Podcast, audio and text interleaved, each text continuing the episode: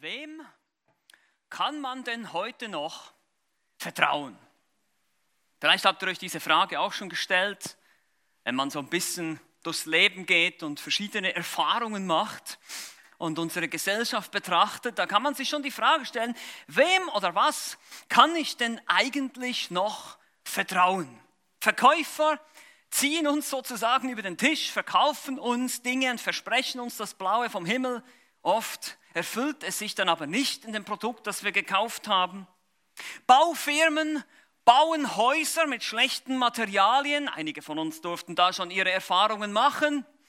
Bahnhöfe werden gebaut mit Trägern, die runterfallen. Und Flughäfen werden, ge naja gut, ich weiß nicht, ob man das Bauen nennen kann.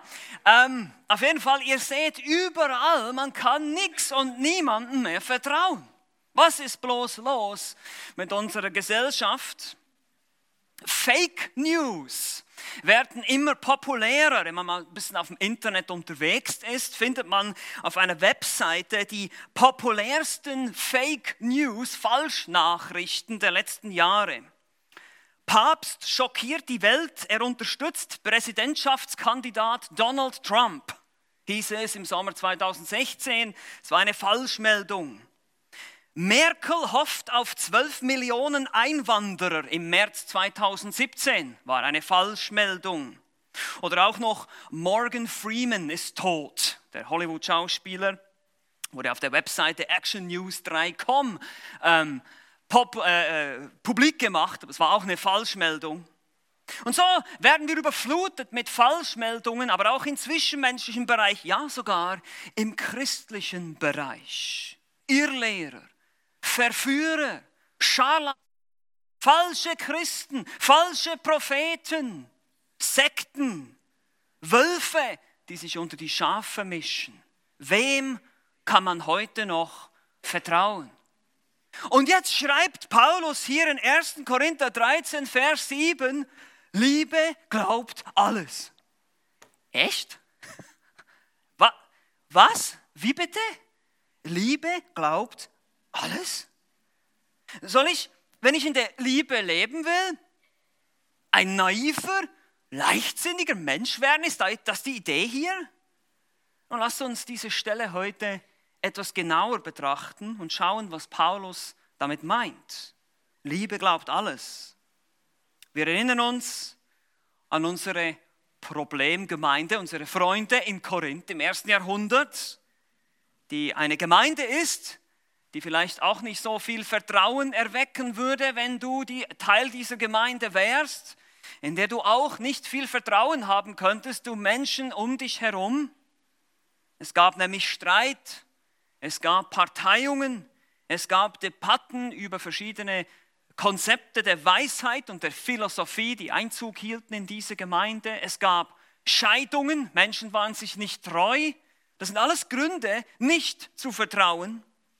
Es gab Unmoral, es gab Arme und Einsame, denen nicht geholfen wurde. Es gab Menschen, die beim Mahl des Herrn vernachlässigt wurden. Die Gemeinde in Korinth missbrauchte ihre Gaben. Ja, sie duldeten sogar Fälschungen, also dämonische Wirkungen, die sich als Gaben des Heiligen Geistes sozusagen verkleideten. Der Engel, äh, der Teufel kam als Engel des Lichts in diese Gemeinde. Er weckt nicht gerade viel Vertrauen. Das ist aber der Zusammenhang, in den Paulus seine Verse aus dem Hohelied der Liebe schrieb. Ihr könnt euch erinnern, Kapitel 12, 13 und 14 im ersten Korintherbrief ist eine große Abhandlung über den richtigen Umgang mit Geistesgaben. Oder wir könnten es auch für uns heute übertragen, über den richtigen Umgang überhaupt im Dienst für den Herrn.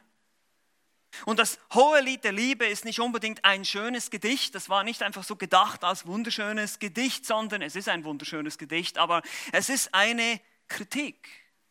Eine Kritik an eine lieblose Gemeinde, eine Gemeinde, die den Weg der Liebe verlassen hat. Und die Gaben, insbesondere die Geistesgaben, insbesondere die Gabe, die damals noch aktiv war, Sprachenrede, Prophetie, zum eigenen Nutzen, zur Selbstauferbauung in arroganter Weise einsetzte.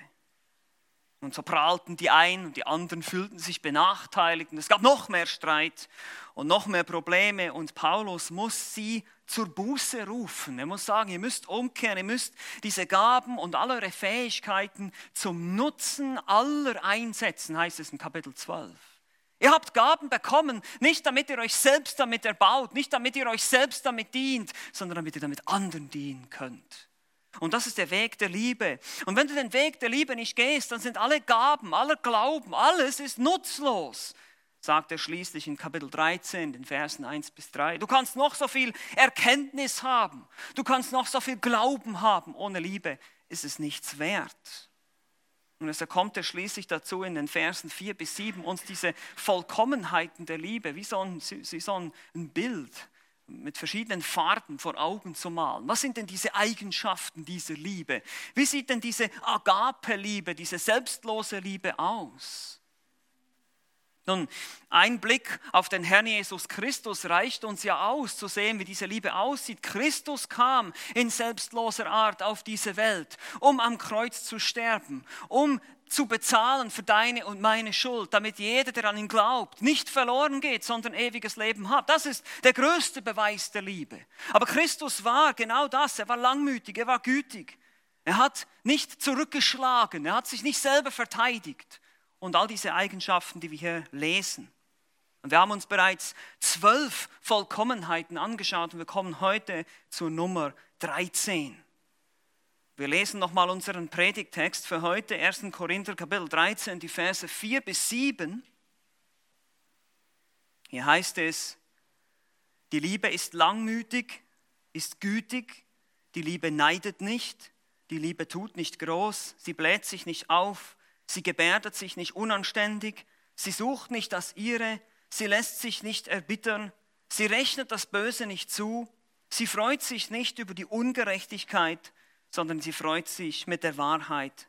Sie erträgt alles, sie glaubt alles, sie hofft alles, sie erduldet alles. Liebe ist also nicht nur bereit, wie wir letztes Mal gesehen haben, die sich noch erinnern können, die Fehler und Macken zuzudecken. Das ist die Idee von diesem erträgt alles in Vers 7. Die erste Eigenschaft in Vers 7, sie erträgt alles, sie deckt alles zu. Es heißt hier, nein, sie glaube auch alles. Nun, wie gesagt, wie ist das zu verstehen? Lasst uns zunächst die genaue Bedeutung erforschen und dann werden wir sehen, was wir anzuwenden haben und wie wir das anwenden können. Wie bereits festgestellt, das Wort alles hier, man kann es auch mit immer wiedergeben. Liebe glaubt immer, alles im Sinne von alle Dinge. Paulus bedient sich hier einer Übertreibung, um einen Punkt zu machen. Eigentlich zu sagen, die Liebe ist unermüdlich in diesen Dingen. Sie ist ein Hoffnungsträger, kein Skeptiker. Gerade hier beim Glauben oder Vertrauen ist es wichtig zu verstehen. Die Liebe glaubt alles. Oder man könnte auch sagen, vertraut immer. Und das Verb, was wir hier haben, glauben, pistuo, das ist ein sehr häufiges Wort im Neuen Testament. Es wird dafür benutzt, Vertrauen in etwas oder jemanden auszudrücken, weil sich die Sache oder die Person als vertrauenswürdig erwiesen hat. Das ist wichtig. Es ist Vertrauen in etwas oder jemanden, das sich als vertrauenswürdig erwiesen hat. Also eben nicht einfach leichtsinniger alles glauben, sondern in etwas, das sich als vertrauenswürdig erwiesen hat. Es ist eine feste Zuversicht daher, eine Überzeugung, so wird es manchmal auch übersetzt, ich bin überzeugt. Und in der klassischen griechischen Literatur hat es auch diese Bedeutung, Vertrauen und Zuversicht in etwas oder jemanden, das relativ sicher ist, zum Beispiel Waffen oder Verträge oder Abmachungen in der weltlichen griechischen Literatur. Und im Neuen Testament wird es daher oft verwendet, um das Vertrauen und den Glauben an Gott und an den Herrn Jesus Christus auszudrücken, den rettenden Glauben. Wenn ich, wie gesagt, mein ganzes Vertrauen auf Christus setze, der sich als vertrauenswürdig erwiesen hat und dem ich vertrauen kann, weil er bewiesen hat, wer er ist durch seine Auferstehung und durch seine Wunder und durch alles, was wir in den Evangelien lesen können, und daher gerettet werde. Eine feste Zuversicht. Es wird daher mit gläubig werden übersetzt. Er wurde gläubig. Er setzte sein Vertrauen in Christus. Das Adjektiv Pistos wird auch mit treu oder verlässlich oder glaubwürdig übersetzt und das dazugehörige Nomen Pistis ebenfalls oft mit Zuversicht, Vertrauen oder eben schlicht und einfach Glaube bis hin zu Überzeugung, Gewissheit und Bestimmtheit. Hier im 1. Korinther 13 steht das Verb im Zusammenhang mit den Mitmenschen, also im Dienstkontext, im Dienst aneinander. Das haben wir schon gesehen, es geht um den Einsatz der Geistesgaben. Und deshalb heißt es hier, die Liebe in diesem Zusammenhang vertraut immer. Sie vertraut immer. Nun, lasst uns noch mal kurz sozusagen jetzt hinauszoomen und das Ganze aus einer Vogelperspektive betrachten, etwas uns zurücklehnen und sagen, okay, lass uns mal zuerst betrachten, was es nicht bedeutet. Manchmal ist es hilfreich, erstmal Dinge auszuschließen, bevor wir uns dann der eigenen, eigentlichen Bedeutung zuwenden. Also erstmal, was es nicht bedeutet. Was bedeutet es nicht, dass Liebe immer vertraut oder der wahre Christ, ich als Christ immer vertraue. Was bedeutet das genau? Oder besser gesagt, was bedeutet es eben nicht? Erstens, es bedeutet nicht, dass wir leichtsinnig durchs Leben gehen. Dieser Punkt muss ganz wichtig, ganz klar betont werden. Wir sollen nicht naiv durchs Leben gehen, zum Beispiel jede News Story oder jede Geschichte, jedes Fake News glauben.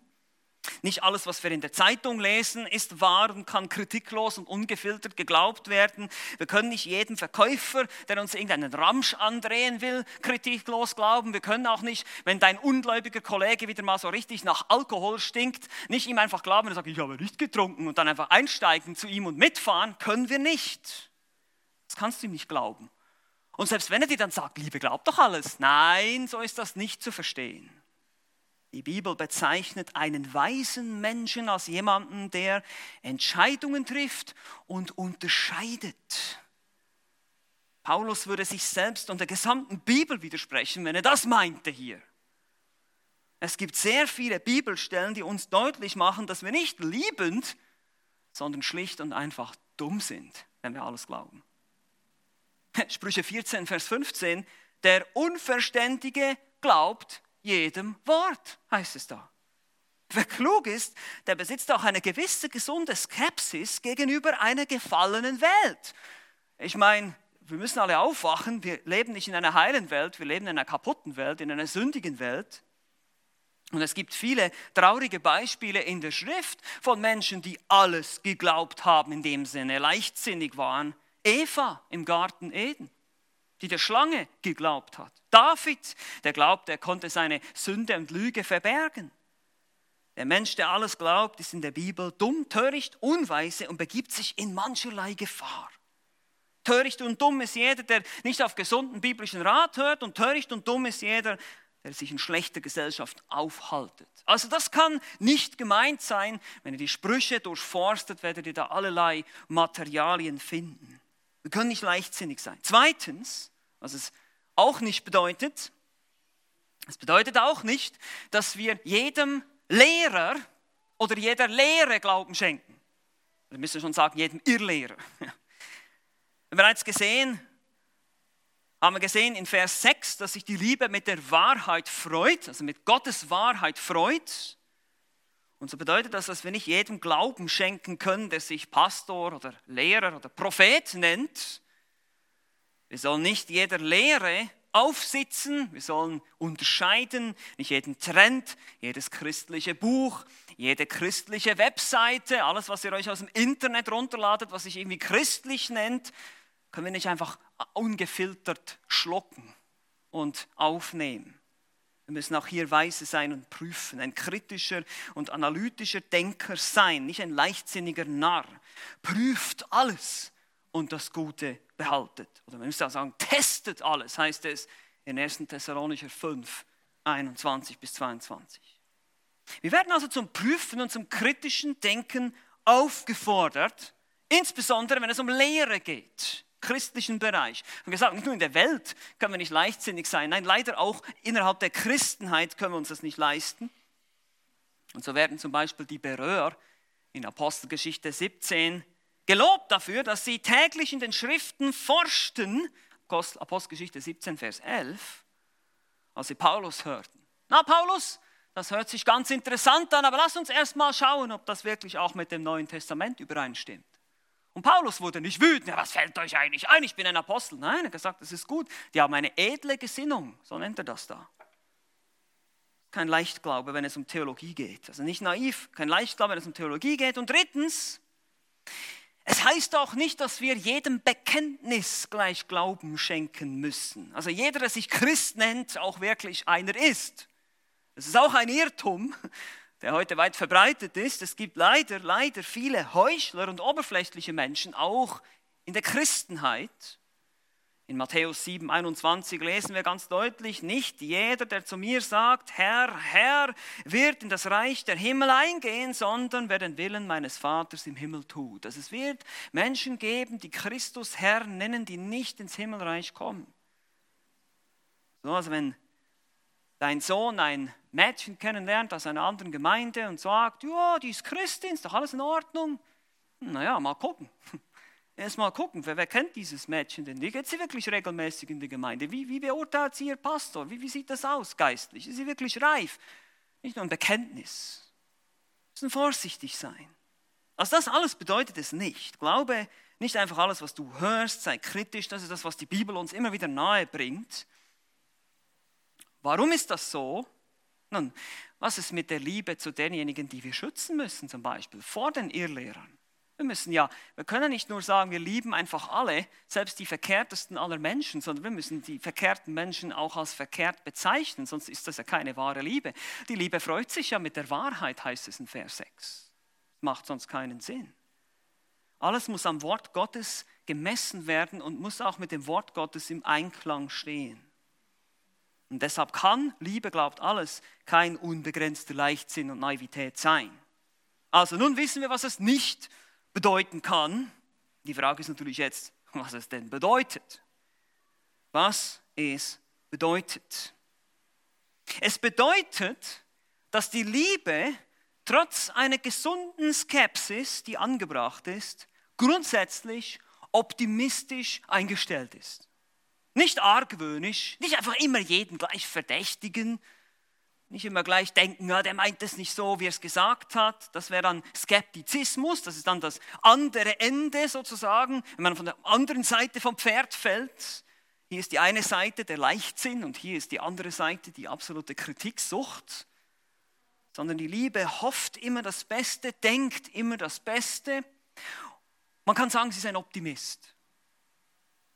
Liebe sieht den anderen immer erstmal als unschuldig, bevor das Gegenteil bewiesen ist. Und wenn das Gegenteil bewiesen ist, dann versucht die Liebe immer noch, gute Motive zu finden und nicht das Schlechteste zu denken. Und seht ihr, das ist leider in unserer Natur drin dass wir leider oft erstmal das Schlechte denken vom anderen. Ja, das ist, ist einfach so. Durch unsere Sündhaftigkeit sind wir eher so eingestellt, dass wir denken, ja, das ist sicher was faul.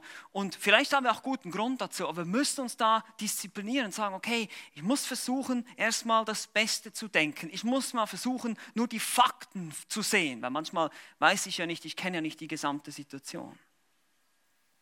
Sie richtet keine Motive.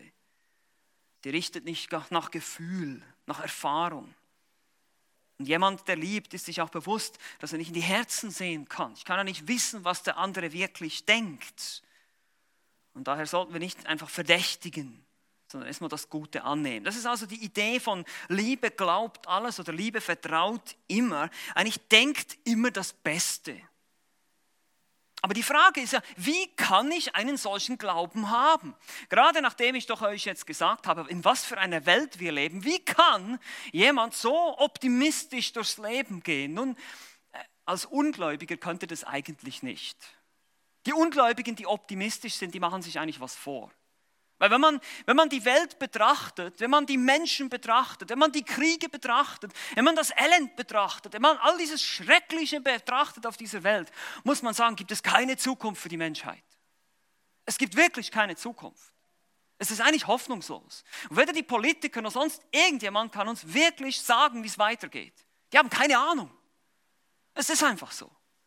Und wir müssten eigentlich realistischerweise depressiv sein als Ungläubige. Müsste man. Manche Menschen betäuben das da mit allen möglichen Ablenkungen und Entertainment, das ist das, was viele machen. Aber wie können wir einen solchen Optimismus haben. Nun, das, der Punkt hier ist, und das ist jetzt ganz wichtig, wenn wir über das Thema Liebe vertraut immer sprechen, dieses Vertrauen ist ein Vertrauen in erster Linie auf Gott, nicht auf Menschen. Es geht nicht darum, dass ich an das Gute im Menschen glaube. Ha, da habe ich genug Gründe in der Bibel zu wissen, dass der Mensch völlig verdorben ist. Und dass es tatsächlich so ist. Ich kann eigentlich keinem Menschen trauen, wirklich nicht.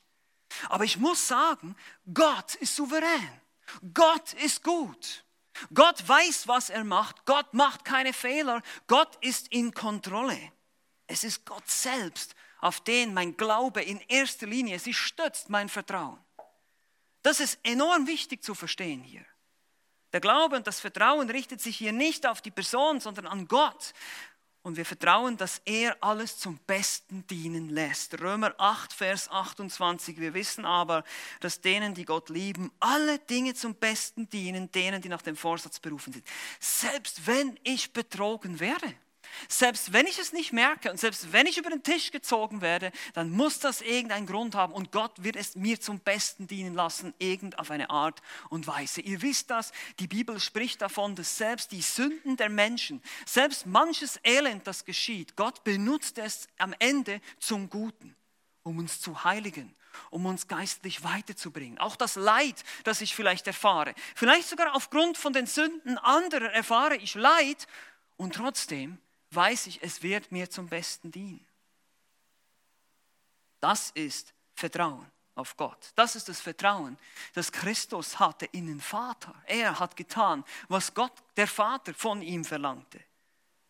Und selbst die Eigenheiten und Fehler und Sünden anderer können Gottes souveränen Plan nicht durchkreuzen.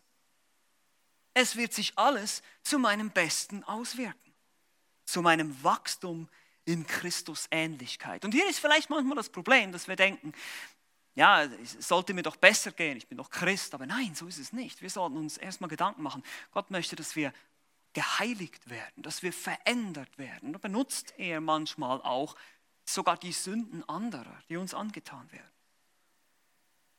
In, der, in dem Sinne, in dem Kontext vertraut die Liebe immer weil sie in erster Linie auf Gott vertraut und daher das Beste glauben kann, weil sie weiß, Gott ist souverän und wird alles zum Besten hinausführen. Wie gesagt, es ist nicht in erster Linie ein Vertrauen in den Mitmenschen, sondern in Gott allein. Die Bibel heißt es sogar, verflucht ist, wer auf Fleisch vertraut. Verflucht ist, wer auf Menschen vertraut. Nein, wir können auf Gott vertrauen, nur auf Gott allein. Und das tun wir alle. Und daher müssen wir das hier so leben. Die Liebe verliert nie den Glauben daran, dass es besser werden kann mit jemand anderem. Gott kann jeden Menschen verändern. Kann er das? Ja, da würde ich ein großes lautes Ja hören. Er kann es, er kann jeden Menschen verändern. Und deshalb wir die, müssen wir die Hoffnung nicht aufgeben. Deshalb müssen wir nicht im Zweifel leben und deshalb können wir uns im Zweifel für den Angeklagten entscheiden und erstmal noch geduldig sein und erstmal noch weiter beten, bis das Gegenteil bewiesen ist. Wir vertrauen Gott, vertrauen immer. Und Gott kann die Dinge offenbaren, er kann die Herzen offenbaren, er sieht die Herzen, wir nicht. Wie sieht das nun aus konkret in deinem und meinem Leben, wenn wir diese Liebe leben wollen. Und das ist sehr herausfordernd, ich weiß. Es geht, wie gesagt, es geht alles, was wir hier lesen, geht irgendwo gegen unsere Natur, es geht gegen unseren Strich manchmal. Ja. Wir würden lieber in die andere Richtung gehen, skeptisch sein und ja, aber das ist nicht das, was wir leben sollen. wir leben im Vertrauen auf den Herrn. Wir kennen den Herrn, er hat uns vergeben, er hat uns zu neuen Kreaturen gemacht. Die Liebe Gottes ist ausgegossen in unsere Herzen. Römer 5,5. Wir dürfen das wissen. Und daher gebe ich jetzt euch heute neun Merkmale einer Liebe, die immer vertraut.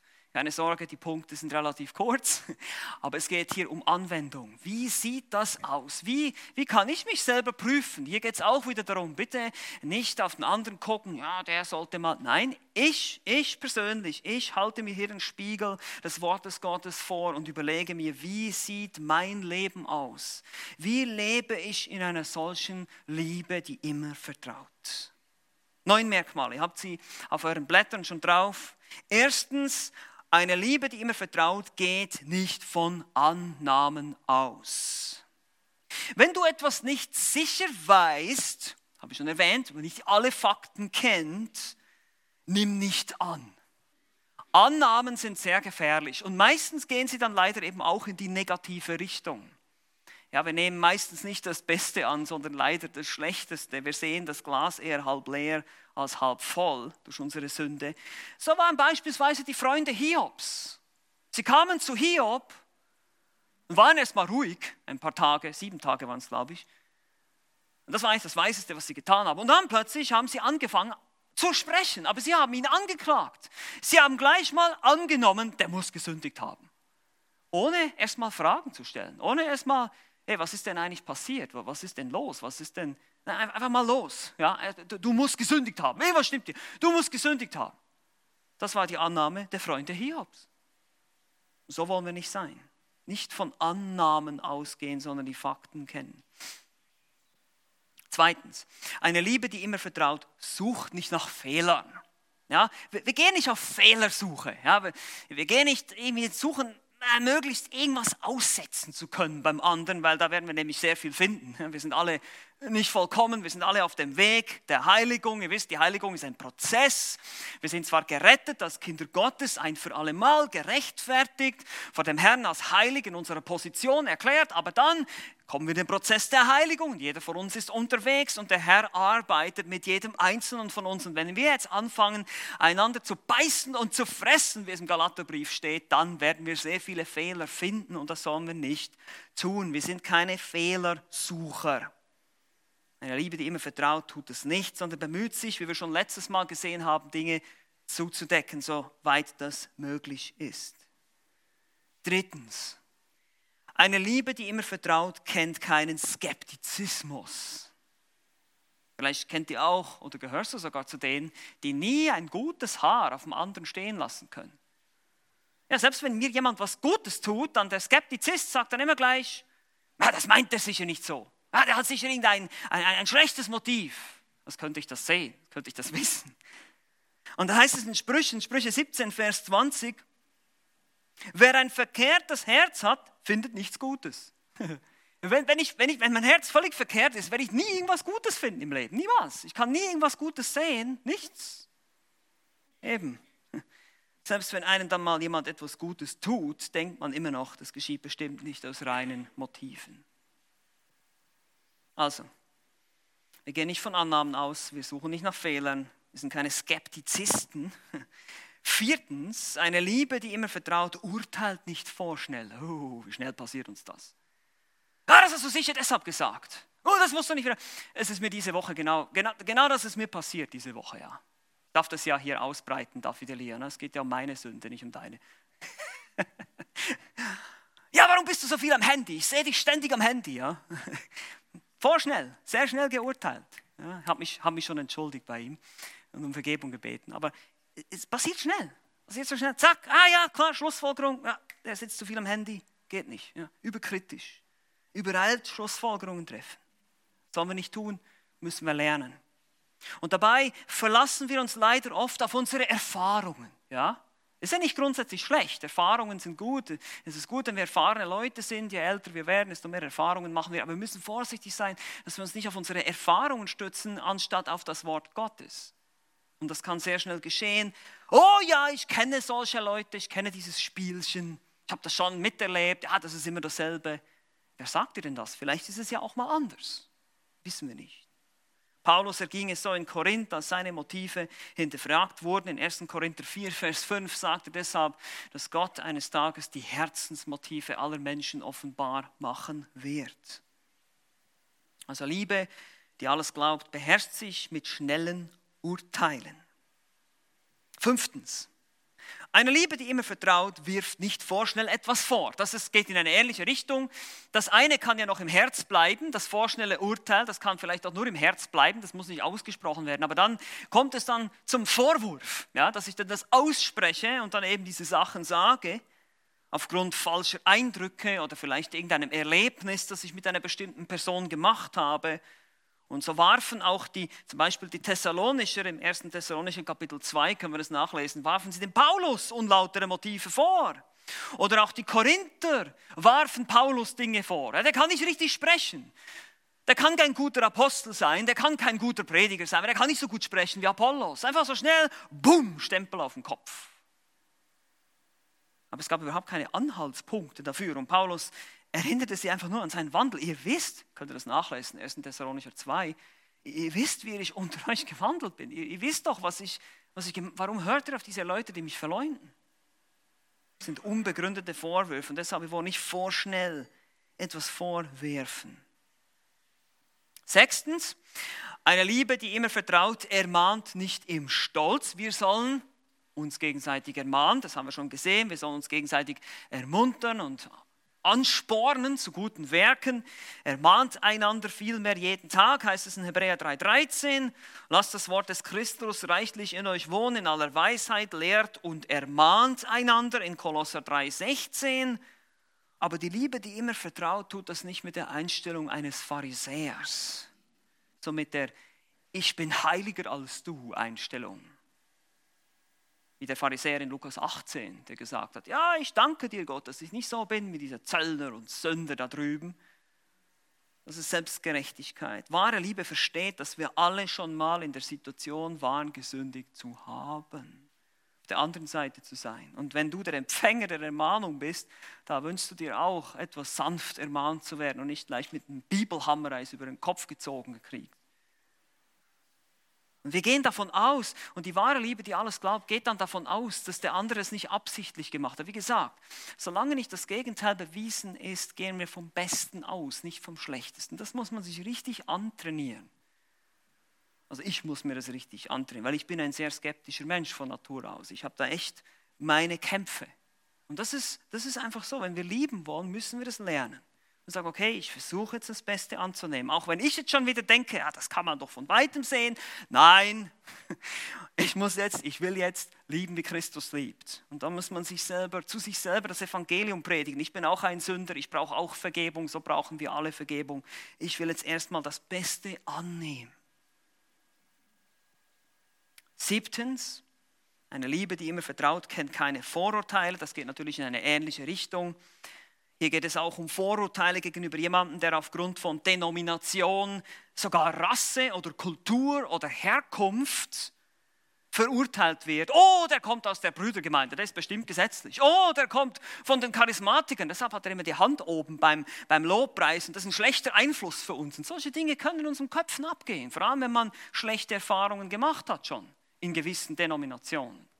Menschen, die aus anderen Kirchen kommen, Menschen, die aus anderen Ländern kommen. Ja, der kommt aus der Schweiz, was ist denn das für ein Bergbauer? Ja? Oder der kommt aus Russland, da kann ja nichts Gutes kommen. Und irgendwie so, einfach diese Vorurteile, die, die, die es ja gibt überall, das tut die wahre Liebe nicht. Leute, die bei uns zu Gast sind, aus anderen Gemeinden kommen, die wollen wir nicht gleich verurteilen, in unserem Herzen auch nicht. Jesus selbst hat eine solche Situation mit seinen Jüngern in Lukas Kapitel 9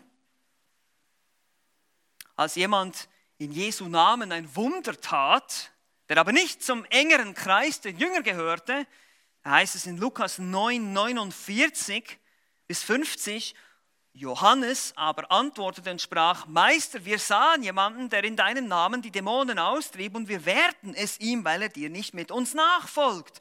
Und Jesus sprach zu ihm, wehrt ihm nicht, denn wer nicht gegen uns ist, ist, der ist für uns. Nicht sektierisch denken, wir sind ja nicht die Einzigen. Ja, wenn, jemand, wenn jemand an mich glaubt und, und äh, diese Kraft hat, dann lass ihn mal. Mit Vorurteilen ist oft ein bestimmter Stolz verbunden. Etwas Besseres zu sein, besser zu wissen als andere. Andere Geschwister, egal woher sie kommen, wenn sie ein biblisches Evangelium glauben, sind unsere Geschwister. Das ist wichtig. Auch wenn sie vielleicht eine andere Endzeitüberzeugung haben oder sonst was. Grundsätzlich können wir erstmal Gemeinschaft haben, wenn wir dasselbe Evangelium glauben in den heilsnotwendigen Punkten übereinstimmen. Also keine Vorurteile. Achtens, eine Liebe, die immer vertraut, richtet keine Motive. Hier ist ein wichtiger Punkt zu verstehen.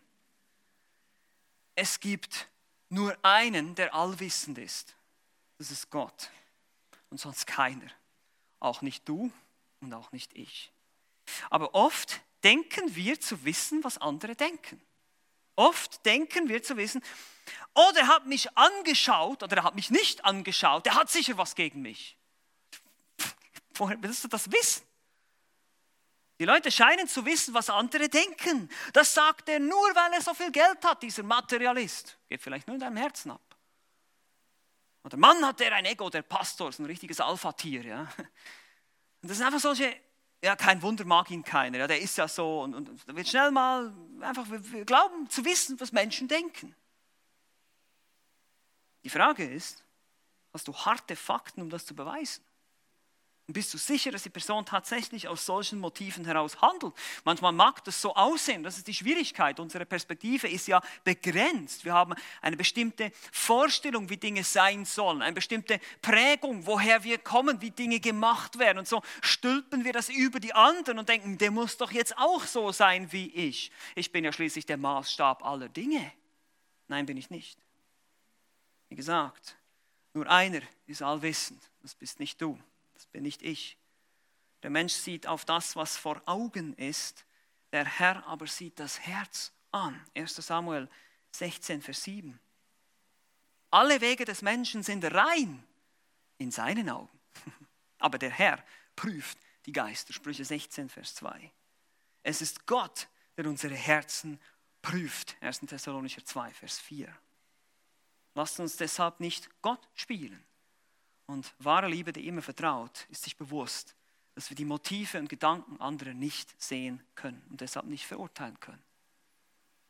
Neuntens und letztens, eine Liebe, die immer vertraut, verleumdet deshalb nicht. Das ist dann, wenn es dann rauskommt, die Vorurteile, das Motiv verrichten, endet dann meistens auch in Verleumdung. Wir reden dann darüber nicht nur in unseren Herzen, sondern leider eben auch mit anderen Menschen, mit Geschwistern aus der Gemeinde. Da heißt es in Psalm 15 von dem Gerechten, der in Gottes Gegenwart wohnen darf, der keine Verleumdung herumträgt auf seiner Zunge. Wer seinen Nächsten nichts Böses tut und seinen Nachbarn nicht schmäht. Psalm 15. Er ist kein Verleumder. Und das kommt aus diesem Misstrauen, aus diesem Argwöhnischsein, aus diesem kritischen Denken, führt es dazu, dass wir schlecht über andere reden, weil wir auch schlecht über andere denken. Und das ist auch wieder eine Disziplin, die wir lernen müssen, wo wir dafür beten müssen. Herr, hilf mir, das Richtige zu denken, hilf mir richtig zu denken über diesen Bruder oder diese Person, vielleicht auch über meinen Chef, das kann, können verschiedene Leute sein, dein Vorgesetzter. Hilf mir, richtig zu denken, hilf mir, demütig zu sein und in wahrer Liebe zu leben, die immer vertraut die erstmal das Gute annimmt, die erstmal das Beste hofft und nicht misstrauisch und argwöhnisch zu sein. Manchmal kann es sein, dass ich sogar die Wahrheit weiß, aber dann diese weitergebe, aber nicht unbedingt um ein konstruktives Ziel zu verfolgen, sondern einfach nur um die Person in ein schlechtes Licht zu stellen. Das ist auch nicht gut. Oder oft sind es dann eben wirklich nur Annahmen, Vorurteile oder sonstige Gerüchte. Und das sollen wir schon gar nicht tun und eben, das haben wir auch schon betont hier, immer wieder auch nicht zuhören. Ja, wenn ich zuhöre, wenn jemand lästert, dann bin ich genauso schuldig und lebe genauso nicht in der Liebe. Es gibt natürlich Ausnahmen, klar. Es kann manchmal erforderlich sein, Dinge weitergeben zu müssen. Zum Beispiel, wenn das Nicht-Weitergeben dazu führt, dass andere zu Schaden kommen, das kann sein, dass es möglich ist, zum Beispiel bei der Gemeindezucht, wenn wir zum dritten Schritt kommen oder solche Dinge.